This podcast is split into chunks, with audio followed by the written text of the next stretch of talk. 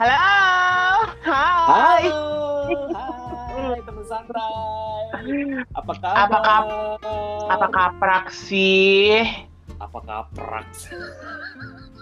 Eh, habis gimana dong? Apa Ya ampun. kabar? Gunakan bahasa Indonesia yang baik dong. Ala lu aja juga masih suka mengeluarkan kalimat-kalimat yang enggak nggak sesuai dengan tatanan bahasa kok. Eh, Iya sih, grammar lo tapi- juga masih grammar tata bahasa juga. ya. Kenapa? Gue heran ya, giliran bahasa Mm-mm. Inggris dikoreksi, giliran bahasa Indonesia agak ada yang koreksi. Ah, ah. Habis kalau Ya dikoreksi terus ya udah sih pada begitu. Mm-mm, yang penting lu ngerti, Ah, ah. paham ya kan? Eh. Gitu. Ah, oh, habis ulang tahun 41. Hahaha, lu juga habis ulang tahun, 40 Eh, beda ya? 40 aja ya. 40 aja gue. Hai teman santai, kita berdua habis ulang tahun. Welcome 40, 41.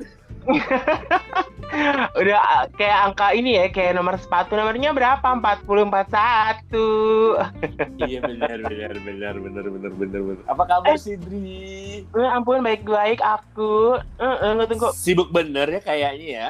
Enggak, enggak sih, baru kemarin doang.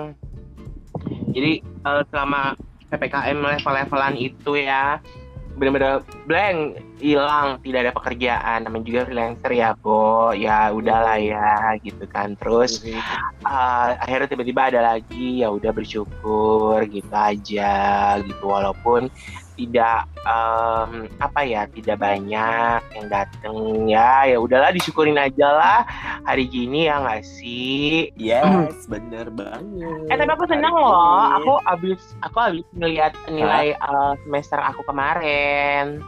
berapa berapa? Kan Tiga kan berapa? kemarin kan sempet kan kemarin kan sempet turun ya dari eh, dari empat terus ke tiga eh, IP-nya Mm-mm. dari empat terus IP-nya tuh turun dari dari empat ke tiga koma eh, delapan tujuh ya kan. Mm-mm. Sekarang di 3,98.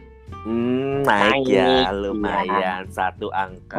Ah, aduh, eh, nggak sebenarnya sih hitungannya bukan satu angka, hitungannya tuh 0 komanya gitu loh. Karena kemarin kan Mhm. yang semester kemarin kan ada B B min B minus apa B plus gue lupa. Eh, Mhm. semester ini tuh semuanya A tapi terselip satu A minus. Kesel deh. Hmm, Kenapa sih baik, nggak A baik, aja baik. gitu? Kenapa harus Iya pakai iya iya iya. Iya Berarti kalau kalau itu penting banget ya nilai itu berdasarkan dari angka yang kita terima. Karena Nah, itu menyangkut tuh, dulu. Karena itu kan menyangkut pendidikan. Yes. Ah, kalau nilai Bener. kalau itu kan menyangkut pendidikan dong kan sekolah.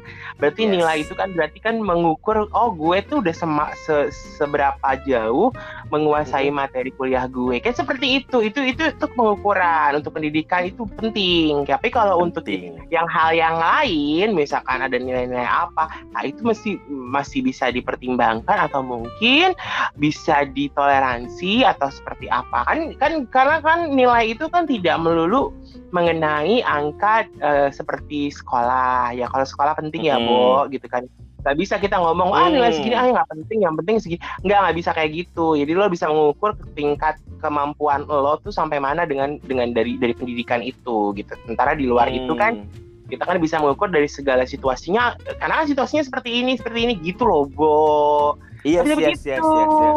Iya tapi Mm. tapi gue kemarin tuh baru baru ngeliat di dagelan eh, IG-nya dagelan tuh kalau nggak salah hari ini apa ta- hari ini apa kemarin ya pokoknya intinya ada seorang ibu mencoba mem- memperankan dia sebagai orang tua yang menerima laporan eh, rapot anaknya itu nilainya turun gitu kan Terus Mm. ternyata si peran ibu ini em, mengasih feedback ya udahlah nah santai aja. Toh ibu juga seperti ini juga nilai bagus waktu itu gitu. Jadi gue kayak agak sedikit tertarik nih membahas nilai hasil dari jerih payah kita atau murid atau diri lo yang baru Iya. belajar di, di universitas. Itu nilai sebuah apa ya pelajar itu penting banget ya ternyata Iya, gitu iya. kan. Jadi gini, kalau kalau menurut gue ya, Day ya. Jadi gini, Mm, mm, mm. uh, pada saat kita menempuh sebuah uh, se- sebuah apa ya istilah kita menempuh pendidikan gitu kan, apalagi pendidikan yang perguruan tinggi nih gitu kan. Itu kan juga menyangkut juga nanti ke depannya misalkan gue mau S2 karena rata-rata sekarang gue nggak tahu ya ini yang gue baru baca dari salah satu uh, forum uh, ada salah satu forum yang gue ikutin gitu kan dia suka update melalui email. Lalu ditanya ada pertanyaan seperti ini bisa nggak ya ketika orang dengan IPK ini kita ngomong IPK IPK kan biasanya kan indeks prestasi kumulatif artinya adalah nilai akhirnya. Kalau Mhm. indeks prestasi per semester IP kan indeks indeks prestasi itu yang per semesternya gitu. Jadi kumulatif Mhm. itu adalah penggabungan dari semua seluruh semester yang sudah dijalani oleh seorang mahasiswa kan seperti itu. Mhm. Nah, eh, akhirnya kan eh, ada pertanyaan kalau misalkan eh, indeks prestasinya kecil, bisa nggak ya melanjutkan S2 gitu kan? Dijawabnya memang ada beberapa perguruan tinggi yang mereka memang eh, menerima mahasiswa untuk jenjang strata 2 itu harus punya minimum eh, IP IPK-nya berapa gitu kan. Seperti Mhm. itu. Lalu mereka harus bisa mempertahankan prestasi IP-nya mereka dari misalkan lu jangan sampai di bawah 2,9 apa misalkan pokoknya Mhm. minimum 3 seperti itu. Itu memang akhirnya menjadi satu tolak ukur di mana eh, karena gini, ketika belajar dari SD sampai SMA, kita kan benar-benar digenjot atau mungkin kita dibimbing banget sama yang namanya guru. Guru itu tuh benar-benar Mhm. memperhatikan gitu. Ketika jenjang eh, perguruan yang lebih tinggi, pendidikan yang lebih tinggi seperti perguruan tinggi atau universitas, dosen itu biasanya memang memberikan tanggung jawab sepenuhnya belajar itu kepada mahasiswa. Jadi akhirnya mahasiswa itu harus bisa mandiri dan biasanya dosen itu mengajarkan materi-materi itu sistemnya nggak kayak guru, Bo. Jadi kalau guru kan Mhm. kalau guru kan ada yang eh, eh, anak-anak sudah mengerti, kalau belum mengerti coba siapa nanti ibu ulang atau bapak ulang. Kalau misalkan ada yang perlu dipertanyakan, coba nanti bertemu dengan bapak. Kalau di dosen biasanya cuma ditanya, nih materi udah saya kasih, ada yang mengerti gitu, ada yang mengerti ketemu saya atau ngobrol. Nah itu kalau murid nggak ada yang datang dia, siswa nggak ada yang datang ke dia ya udah berarti siswanya udah yang apa udah ngerti. Sementara kalau guru kan mereka biasanya akan lebih deketin. Kamu udah ngerti belum? Kamu belum bisa ya ini ini.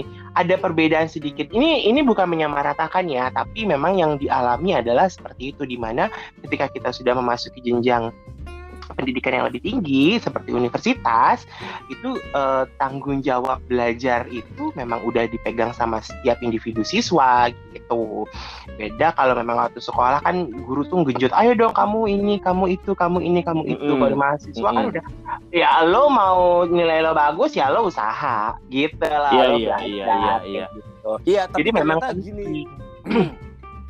Tapi ternyata gini, Dri, Eh, apa teman Sani ini gue belajar dari si dagangan tersebut ya. Ternyata eh, ada cara berpandangan bahwa nilai itu kalau yang gue lihat dari komennya dia itu tidak dapat dijadikan tolak ukur eh, tolak ukur utama dalam menentukan apakah seseorang paham untuk eh, suatu ilmu karena menilai pemahaman seseorang itu diperlukan indikator-indikator lainnya nih. Gue sih nggak tahu ya, ternyata karena iya. gue kan gue cuma sampai SMU gitu. Kalau Adrianus masih Mm-mm. sekarang masih ber- masih mengembangkan dirinya sampai uh, kuliah di universitas. Jadi ternyata memang sih kalau gue lihat dari indikator-indikator lain itu juga uh, menjadi suatu penilaian tersendiri. Jadi nggak hanya sekedar dari ya dari IPK yang yang tadi lo sebut itu. Karena gini betul. ada juga ada juga pandangan bahwa nilai dari secari kertas yang kita dapat atau di sekolah atau di kampus uh, di kampus kuliah karakter positif yang dimiliki sang pemilik ini kayaknya pandangan di secara general mungkin nilai bagus ya seperti A plus mungkin gitu ya Ah, ah, Uh, ah, ah, atau ah. minimal B kalau di bawah B minus tuh Mhm. kayak jadi kayak bikin pikiran bikin stres gitu kan dan ketar ketir Ah, ah. mungkin gitu kalau di sekolah mungkin Mm, mm, mm. nggak tuh gue ya 100 apa 10 sih kalau sekolah sekarang nilainya Ah, enggak tahu ya bisa 100 bisa 10 lah itu sebenarnya sama aja sih cuman nah eh, penulisannya aja gitu Nah bener nih kayak jadi kalau menurut gue, gue nih ya dulu waktu sekolah tuh jujur sih gue nggak pinter-pinter amat nih teman santai, Dri. Jadi gue itu yang penting cukup memuaskan jawaban yang gue bisa gue berikan dan bisa dipahami sama guru itu Mm-mm. buat gue udah udah baik gitu karena iya Uh, iya ca- karena memandang bahwa nilai adalah segalanya buat gue sih pandangan ini didasarkan dari pandangan masyarakat juga dan gue pun juga memandang ini bahwa uh, lebih menghargai dan me- menitik beratkan nilai bahwa nilai merupakan indikator kesuksesan seorang penuntut ilmu. Itu gue pikir sih kayaknya nggak tahu ya Dri mau maaf lahir batin nih teman santai. Itu bukan jadi tolak ukur bahwa lu bisa mencapai suatu hal yang lu inginkan dalam uh, pendidikan. Tapi itu sangat menentukan apa yang ingin lu capai Gitu ya. Mm-mm. Itu sih kalau kata gue sih, Dri. Ya tapi tapi memang sebenarnya gini, sebenarnya gini sistem Mm-mm, pendidikan mm-mm. di Indonesia ini tuh masih banyak banget, bukan masih banyak, hampir rat- hampir semua tuh ya kayaknya mereka masih masih berpatokan terhadap nilai hasil nilai atau hasil akhir dari seorang siswa ya, Bo, gitu kan. Jadi mm-mm. akhirnya anak-anak itu kan bener-bener yang mencari karena gini tujuan lo sekolah adalah apa adalah menuntut ilmu berarti seberapa paham lo dengan ilmu yang udah lo uh, uh, dapetin di sekolah gitu Mm-mm, Nah, mm-mm. kita kalau dilihat dari uh, pendidikan di luar negeri entah di negara barat atau di negara yang maju mereka sangat-sangat menekankan di mana siswa itu tuh paham dengan apa yang diberikan atau materi yang diberikan oleh para guru atau para pengajar gitu kan Ya, Mm, mhm. sampai seberapa paham sih lo dengan dengan dengan apa yang sudah kita berikan. Nah, itu akan mempengaruhi. Berarti kalau lu paham dengan apa yang kita berikan, berarti ada nilai yang baik dong ketika lo ujian gitu. Karena karena eh, di Indonesia tuh kan kurikulum tuh banyak banget ya bu pelajaran tuh uh, banget. ada hal yang kalau menurut gue hmm, kan kakek-kakek aduh, empat ah, ke hmm, hmm. Aduh, tapi jadi Eh. jadi tadi dulu jadi gini uh, jadi di Indonesia tuh kayak kalau dijejalin banyak pelajaran anak-anak. Jadi akhirnya terbebani kan gitu. Akhirnya semua anak-anak itu tuh kayak hafalin aja pelajaran tuh dihafal dihafal. Tapi nggak ngerti maksudnya apa gitu loh. Penerapannya nanti dalam kehidupan kehidupan nyata apa. Karena kan pendidikan sekolah itu kan juga memberikan ilmu yang bisa diterapkan di kehidupan nyata. Bukan cuman diterapkan ketika ujian nilainya bagus. Ada beberapa anak-anak yang nilainya baik, tapi mereka secara penerapan dalam kehidupannya juga tidak tidak baik gitu. Artinya ada beberapa orang yang cenderung bahwa eh, ya dia bagus nih, wah sekolahnya tinggi, nilainya bagus gini-gini. Tapi ini nggak semua ya teman santai ya ada ya. Jadi ada beberapa orang yang seperti itu gitu. Akhirnya dia tidak mengerti atau tidak bisa menerapkan ilmu-ilmu yang diterima di sekolah dalam kehidupan dia sehari-hari kayak gitu. Ya Hmm, paling, hmm, paling contoh kecilnya adalah misalkan kita bicara mengenai eh, apa sih kenapa ada ada pendidikan moral Pancasila atau pendidikan eh, kewarganegaraan dan segala macam.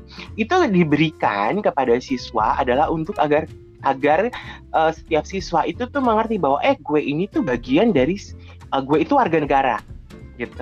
Gue itu warga negara, gue adalah bagian dari eh, sebuah negara gitu. Gue penduduk dari negara ini. Berarti gue harus bisa berkontribusi kepada negara ini. Bentuknya tuh kontribusi tuh nggak harus nggak harus secara spesifik. Eh gue harus jadi PNS, gue harus jadi tentara enggak. Gitu kan. Kita menjadi Hmm. orang yang kita bekerja menjadi pegawai, kita bisa mem- bekerja dengan baik. Kita misalnya misalkan jadi sales kayak gitu kan. Artinya dengan bekerja menjadi sales kan itu meningkatkan penjualan. Artinya roda perekonomian negara pun juga akan berputar dengan baik kalau kita juga bisa menjadi sales yang baik. Kan begitu Mhm. gitu. Nah, itu kan Mhm. hal-hal Iya, iya, seperti iya. itulah yang akhirnya anak-anak di Indonesia, walau menurut gue orang-orang di Indonesia itu ada penerapan itu belajarnya ada dari kehidupan mereka gitu. Pendidikan di sekolah kayak blank, banyak yang komentar, aduh sekolah tinggi-tinggi, gila udah kerja, itu semua materi pelajaran hilang terkelan angin. tapi memang, Iya, iya. tapi iya. memang, Betul, tapi betul, memang, setuju, setuju. iya gitu. Tapi kan kalau di luar kalau kita melihat dari negara-negara maju ya mereka itu misalkan dari dari dari kecil mereka gue pengen jadi pengacara gitu. Gue pengen jadi pengacara, gue pengen eh, istilahnya mengerti hukum negara ini untuk gue membela yang benar istilahnya kan. Pembelaan membela yang benar kan bukan selalu jadi polisi atau jadi tentara kan. Jadi pengacara itu kan juga bisa menjadi seorang yang membela yang benar gitu kan artinya kan gitu. Jadi eh, dia pasti akan belajar itu. Dan itu sudah difokuskan sejak mereka masih remaja. Oh nih gue mau jadi eh, hukum gue suka, suka baca buku. Nah ini juga yang jadi salah satu kendala bahwa ternyata Indonesia sendiri dari 61 negara eh, dengan minat baca jadi gini kenapa cuma 61 negara? Kalau menurut gue Indonesia itu kan termasuk dikategorikan juga termasuk negara yang besar. Artinya penduduknya banyak. Berarti Mhm. di- bisa jadi ada indikasi dari, pen- dari eh, riset yang dilakukan tersebut adalah Indonesia punya potensi di mana penduduknya suka membaca dong gitu. Akhirnya ternyata dia Mhm. dari 61 dia urutan ke 60 gitu, nomor dua dari belakang Mhm. untuk minat Mhm. baca. Nah, itulah gitu. Makanya eh, karena juga masih ya gue nggak ngerti ya gitu. Tapi yang gue perhatikan memang hampir semua rata-rata orang tua tuh ah nilai lo nilainya kok jelek kok ini kok ini kok ini gitu. Sebenarnya kan pertanyaan yang harus diajukan kepada orang tua ketika men- mendapatkan anak yang nilainya tidak bagus kan bertanya kamu paham gak sih dengan pelajaran yang diberikan oleh oleh guru? Yang salah siapa? Gurunya kah? Anaknya kah? Atau sistem pendidikannya kah? Gitu, Bo, kalau menurut gua ya. Gitu. Yes, benar benar benar benar Eh, benar. karena nilai-nilai kehidupan itu juga tidak hanya bisa didapatkan dari pendidikan di sekolah, tapi juga dari kehidupan sehari-hari. Kalau kalau orang tuanya kayak sekarang nih lagi heboh, anak-anak sekolah udah mulai masuk sekolah lagi ya nggak sih? Ya kan dari yang work from home, terus ada beberapa anak yang udah mulai sekolah. Itu kayaknya ada beberapa orang tua yang kayaknya lega, eh, lega deh anak gue sekolah lagi udah nggak di rumah, gue udah nggak pusing. Itu juga ada pemikiran orang tua yang akhirnya keliru ya menurut gue.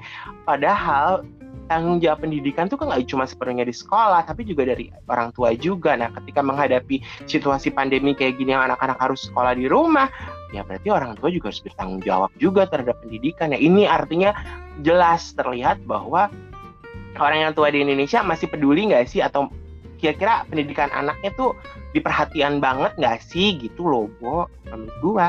Yes sih, embur, embur, embur. Karena gini sih, Dri, kita kalau belajar dari masa kecil kita gitu ya, teman santai, Ah, ah, kita tuh jarang, kita jarang banget praktikum ya nggak sih? Praktikum itu akan ada ketika kelas 5, kelas 6 kalau nggak salah ya. Dan ada dari kelas 1 itu hanya olahraga jasmani sama agama tuh. Praktikum yang lainnya itu baru ada itu kayak nanam pohon apa eh, toge di kapas itu kayaknya SD kelas 4 kelas 5 apa kelas berapa gitu gue lupa ada apa SMP. Jadi kalau di luar itu kalau di luar itu praktikum dari dari dari PAUD kayak gitu praktikum ya. Iya, jadi gini loh, kayak yang gue, ya seperti gue bilang tadi, jadi ternyata terlalu banyak materi yang harus dijejelin ke anak-anak. Jadinya Iya. akhirnya mereka lupa bahwa semua materi-materi tersebut kan juga harus coba dipraktekkan. Ya, salah satu Yes, contohnya bener, kayak bener. IPA, IPA kan kita kita ngomong misalkan em, kan kalau di luar negeri kan kalau kelas biologi gitu, mereka tuh pasti eh, sering banget materi plus di depan mereka ada sesuatu, ada objek yang mereka teliti gitu. Contohnya Mm, kodok mm, gitu kan, itu mm, anatomi mm, kodok gitu kan. Apa aja yang Mm, dalam tubuh kodok itu katak-katak itulah gitu. Si katak itu juga itu fungsi-fungsi di dalam uh, organ tubuh katak itu tuh untuk apa aja. Terus lalu kenapa kulitnya begini begitu begini begitu gitu kan. Lalu ini ada cairan kimia yang bisa membuat katak ini seperti apa ah itu kan materi plus praktek gitu kali ya Yes, yes. Gitu. Yes, yes, bener-bener. Ini gue inget sih kalau kalau nggak salah tuh gue pernah ngobrol sama bagian Kementerian uh, Pendidikan dan Budaya. Salah satu teman gue sih Dri di sana gitu ya. Dia Mm-mm. ngomong gini, karena basicnya uh, apa ya? Uh, aduh gue lupa ya. Kurikulum itu sebenarnya ada ada beberapa poin kalau nggak salah dia bilang gitu. dari Mm-mm. mulai berbasis kompetensi yang bisa memberikan uh, penilaian terhadap pengetahuan, keterampilan, sikap uh, yang dirangkaikan sampai uh, sebagai capaian pembelajaran. Itu kalau nggak- Mm-mm. kalau nggak salah ya teman santai ya mohon maaf nih.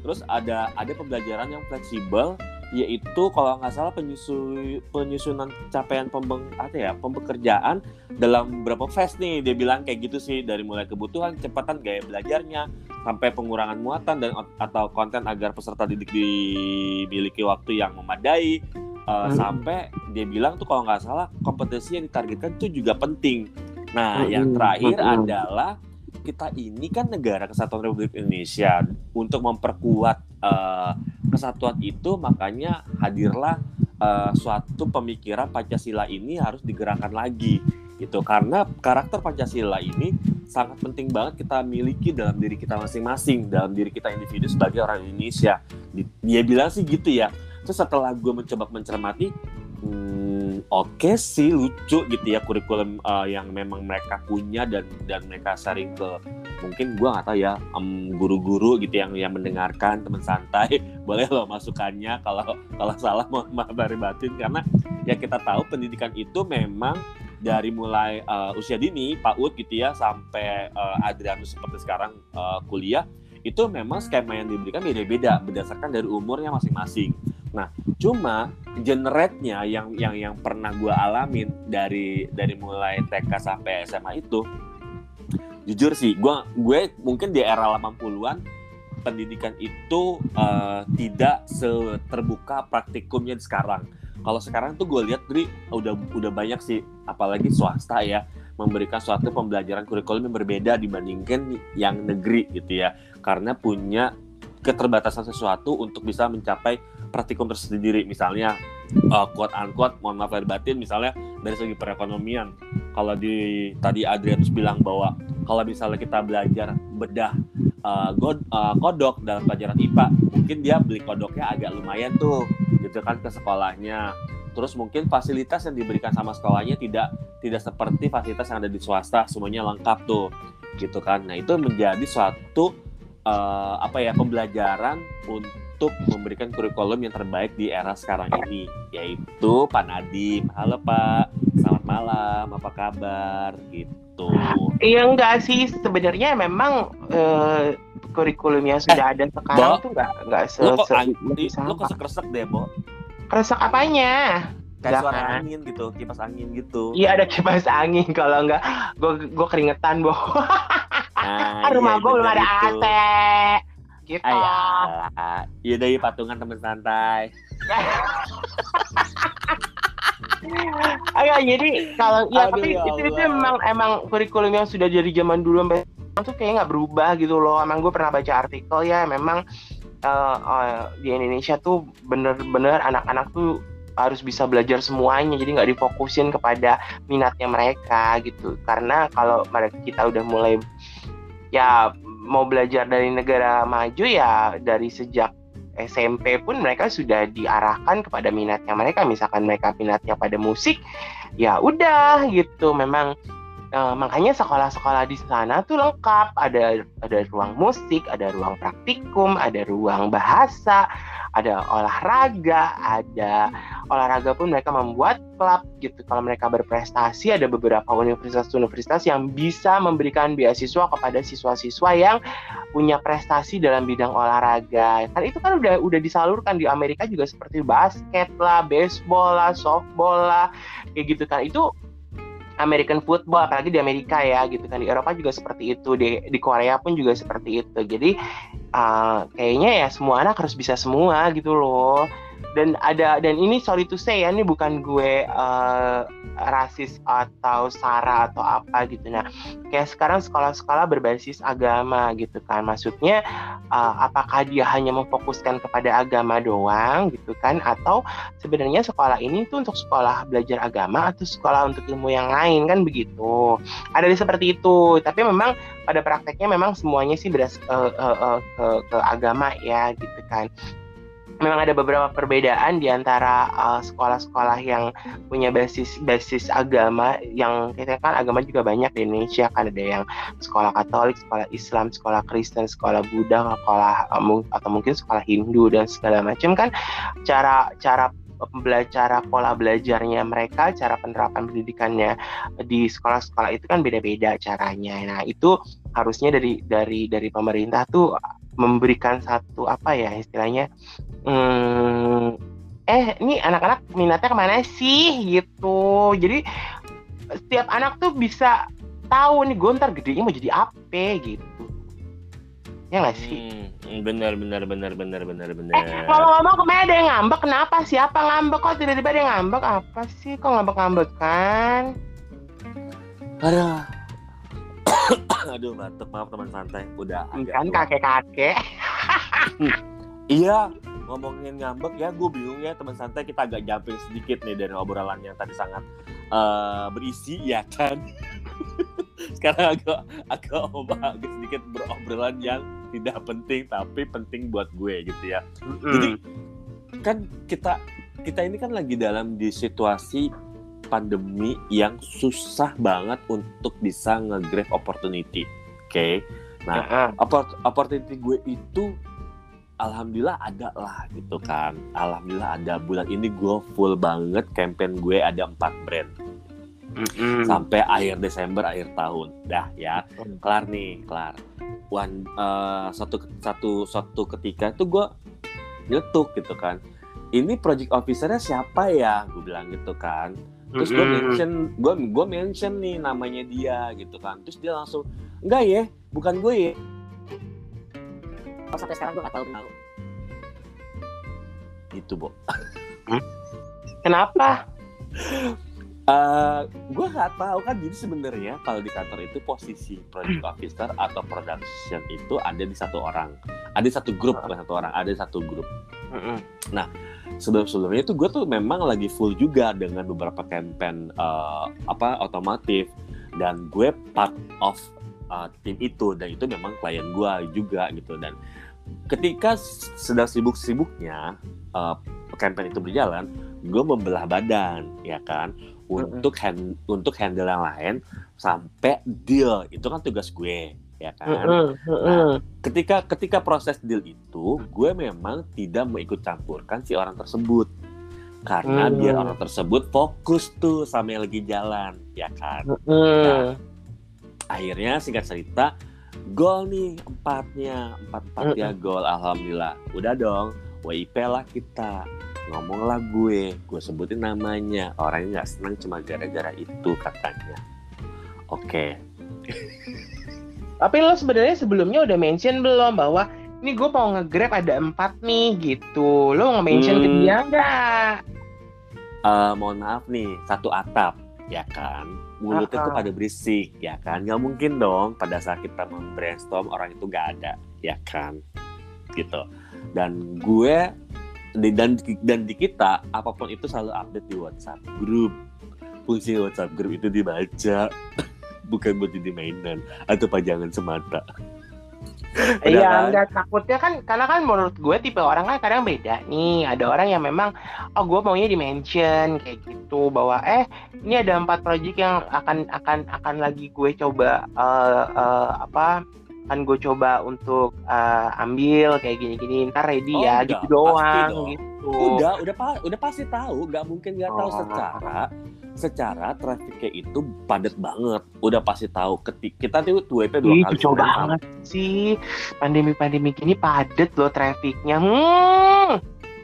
Hmm, alhamdulillah aja ya gitu kan dari kita tuh WP Senin sama Jumat nggak mungkin dong ketika penyampaian WIP itu eh, teman-teman tuh nggak tahu nggak mungkin sih perkembangannya kan selalu dipantau dan Oh. dia dan dia eh, ya bolehlah mungkin agak senior gitu ya tapi ya once again I make money gitu loh Mm-mm.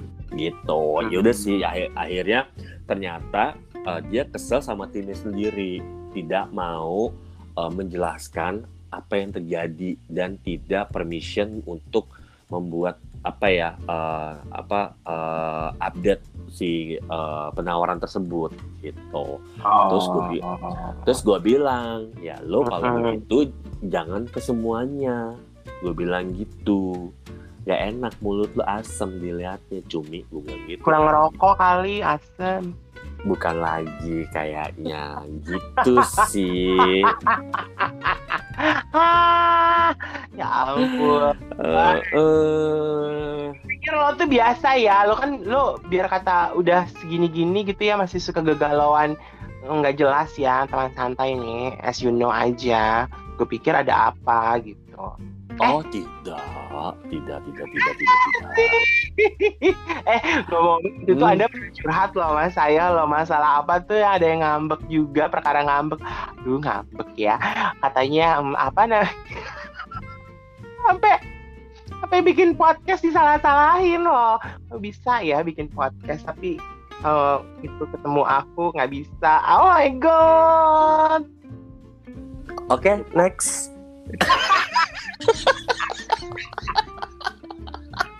Udah ah, males gue bahas yang gitu gak ada kan didengarnya sama teman santai. Udah next Ya. aja udah udah basi. Sekarang lagi trennya mengucapkan selamat hari hari apa, ya Apa? sekarang? Hari apa? Hari apa? Masa nggak hari apa masa nggak tahu sih? Tapi hari gue tuh eh tapi gue tau gak sih dah gue tuh lagi ngerasa ini loh lagi ngerasa apa ya jadi kan semenjak semenjak eh, dia meninggal itu ya si dia ya sebentar sebentar sebentar sebentar sebentar teman-teman teman santai kita mau ngucapin selamat hari olahraga nasional untuk atlet olahraga games yang kemarin dapat medali selamat congratulations kalian sangat menginspirasi Ah, atlet apa atlet apa teman-teman apa apa atlet para games Atlet para apa? games. apa ah bukan bukan games. para paralimpiade Iya, Paralimpiade. Terima kasih Iya, sudah menyumbang itu- emas ya untuk Indonesia. Thank you. karena itu olimpiade untuk eh, mereka yang disabilitas. Jadi kan kalau misalkan Asian Game kan Asian Para Hmm. Games, kalau olimpiade namanya Paralimpi Mm-mm. Paralimpiade. Yes. Oh. Paralimpiade sama Olimpiade kemarin ya Indonesia banyak banget emasnya. Hmm. Oke, Eh, lanjut. tapi gitu gue heran ya. Next. Gue heran ya Apa? kemarin tuh kan jadi kayak ada ada pembicaraan viral gitu kan yang aduh kok medali emasnya dalamnya cuma plastik apa segala macam. Padahal ya Tokyo ya Hmm, Jepang itu Tok- sudah ya Jepang kan sudah bilang bahwa olimpiade yang sekarang ini memang go, go green gitu loh. Jadi memang tempat tidur tempat tidur yang disediakan untuk para atlet di wisma atletnya sendiri pun memang dari kardus yang memang sangat ku- dibikin khusus untuk ya tempat tidur memang kuat gitu kan. Tapi kan memang bukan untuk jangka panjang. Tapi kan itu kan tempat tidur tempat tidur itu kan cuma digunakan atlet selama masa olimpiade doang dong. Nah setelah sudah selesai kan akhirnya tempat tidur itu kan bisa didaur ulang kembali. Artinya mereka menggunakan bahan-bahan daur ulang kan. Nah begitupun juga dengan eh, medali yang didapatkan oleh para atlet gitu kan. Memang lapisannya itu pasti emas perak ataupun perunggu. Tapi di dalamnya ya bukan emas murni Bo Bo kalau emas murni semuanya satu medali ya bonceng sekali tuh negara Iya juga ya. Loh, Aduh, di, gua- di mana-mana begitu Aduh. Bo jadi Aduh gue jadi semua nih. apaan Di Javu. di Javu apa Ya Javu apa pemba- pembahasan emas Olimpiade lalala terus kita podcastan segala macem. Gitu. enggak deh belum pernah deh Iya kan di. Javu, di Javu. uh, uh, uh. Lalu Pokoknya- lalu lalu lalu lanjut. Iya, eh, eh, apa? Jadi setiap eh, pesta olahraga itu kan medali yang didapatkan oleh para atlet itu kan memang tidak murni emas semua atau perak semua atau perunggu semua. Karena memang ada beberapa negara yang mereka membuat dalamannya tuh apa bahan bakunya apa lalu dilapis emas, dilapis perak atau dilapis perunggu. Karena itu akan lebih menghemat biaya. Bayangin aja kan setiap negara harus mencetak hampir kurang lebih 5.000 medali kan gitu untuk diberikan kepada mereka eh, para atlet-atlet yang ikut dalam ajang pesta olahraga eh, internasional itu. Pastinya kan kayak gitu. Nah Jepang dia mengumpulkan barang-barang elektronik dari semua penduduknya yang bekas untuk barang-barang itu diambil beberapa elemennya untuk jadi bahan medali. Jadi kalau aku bilang ya lo harus tahu dulu konsep-konsepnya si Olimpiade Tokyo 2020 kan emang go green semuanya tuh back to ya kembali ke itu loh kampanye daur ulang lah kayak gitu untuk supaya tidak ada mengurangi sampah apa ya istilahnya sampah eh, elektronik, logam dan segala macam. Nah, itu bagus kan kalau menurut gue. Kalau sekarang misalkan tiba-tiba emas yang lotok atau ih kok emas tapi dalamannya plastik atau apa atau apalah ya udahlah ya gitu kan. Tapi kan itu sebuah penghargaan gitu, pencapaian ya nggak sih, Bo? Mm, mm, mm. Biasalah Asbun. Anak mana sih? Anak Tambun. Eh maaf Tambun bercanda. Aduh Gitu. ya Allah.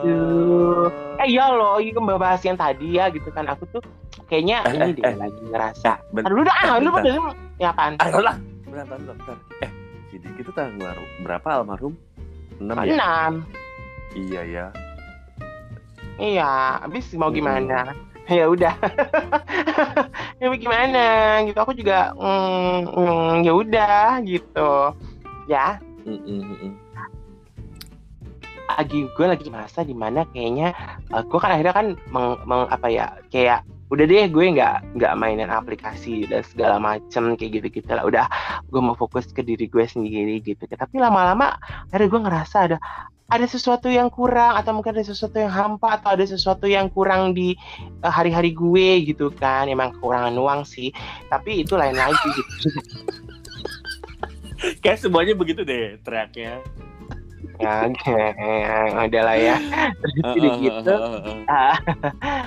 eh gue gak ngerti ya Bo. Sampai akhirnya gue tuh nulis di eh, Facebook. Aduh gue ya gini eh teman santai maaf ya kalau kita masih main Facebook. Ya gue masih main Facebook. Tapi gue ngerasa bahwa Facebook itu tuh eh, sangat memadai untuk gue menulis beberapa hal yang kayaknya eh, perlu atau hiburan atau apa. Karena kan kalau di Instagram ya paling karakternya cuma berapa sih?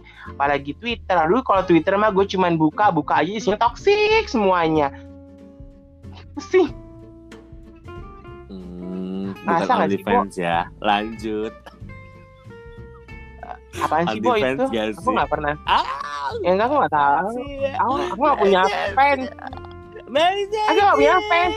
Anda yang punya fans tuh. Lanjut.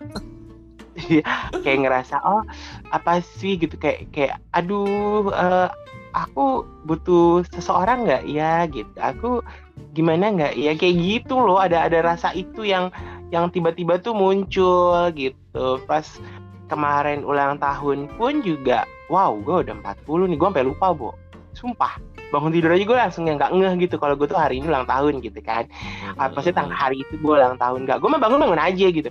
Tiba-tiba baca ada ada ada notifikasi dong. Oh iya gue ulang tahun gue gitu. Lupa bu Aduh my god, teman santai ini akan sangat menarik banget kalau kita bahasnya after this ya. Kita akan bahas uh, krisis sporty itu bisa ditanggapin dengan baik atau tidak. Jangan ke mana-mana, gue akan balik lagi sama Adrianus di tema berikutnya teman santai. Karena gue akan kasih tahu krisis-krisis apa yang sedang gue hadapi dan krisis-krisis apa yang Adrianus hadapi. Ya, Mm-mm. oke? aku krisis aku krisis Taken aku krisis Taken ya udah kita pamit dulu ya tuh santai nanti kita balik lagi kita akan Yaudah deh. bahas krisis sporty of our Gua Hamada. Gua Adrian. Salam, Salam santai. Santai. Shy.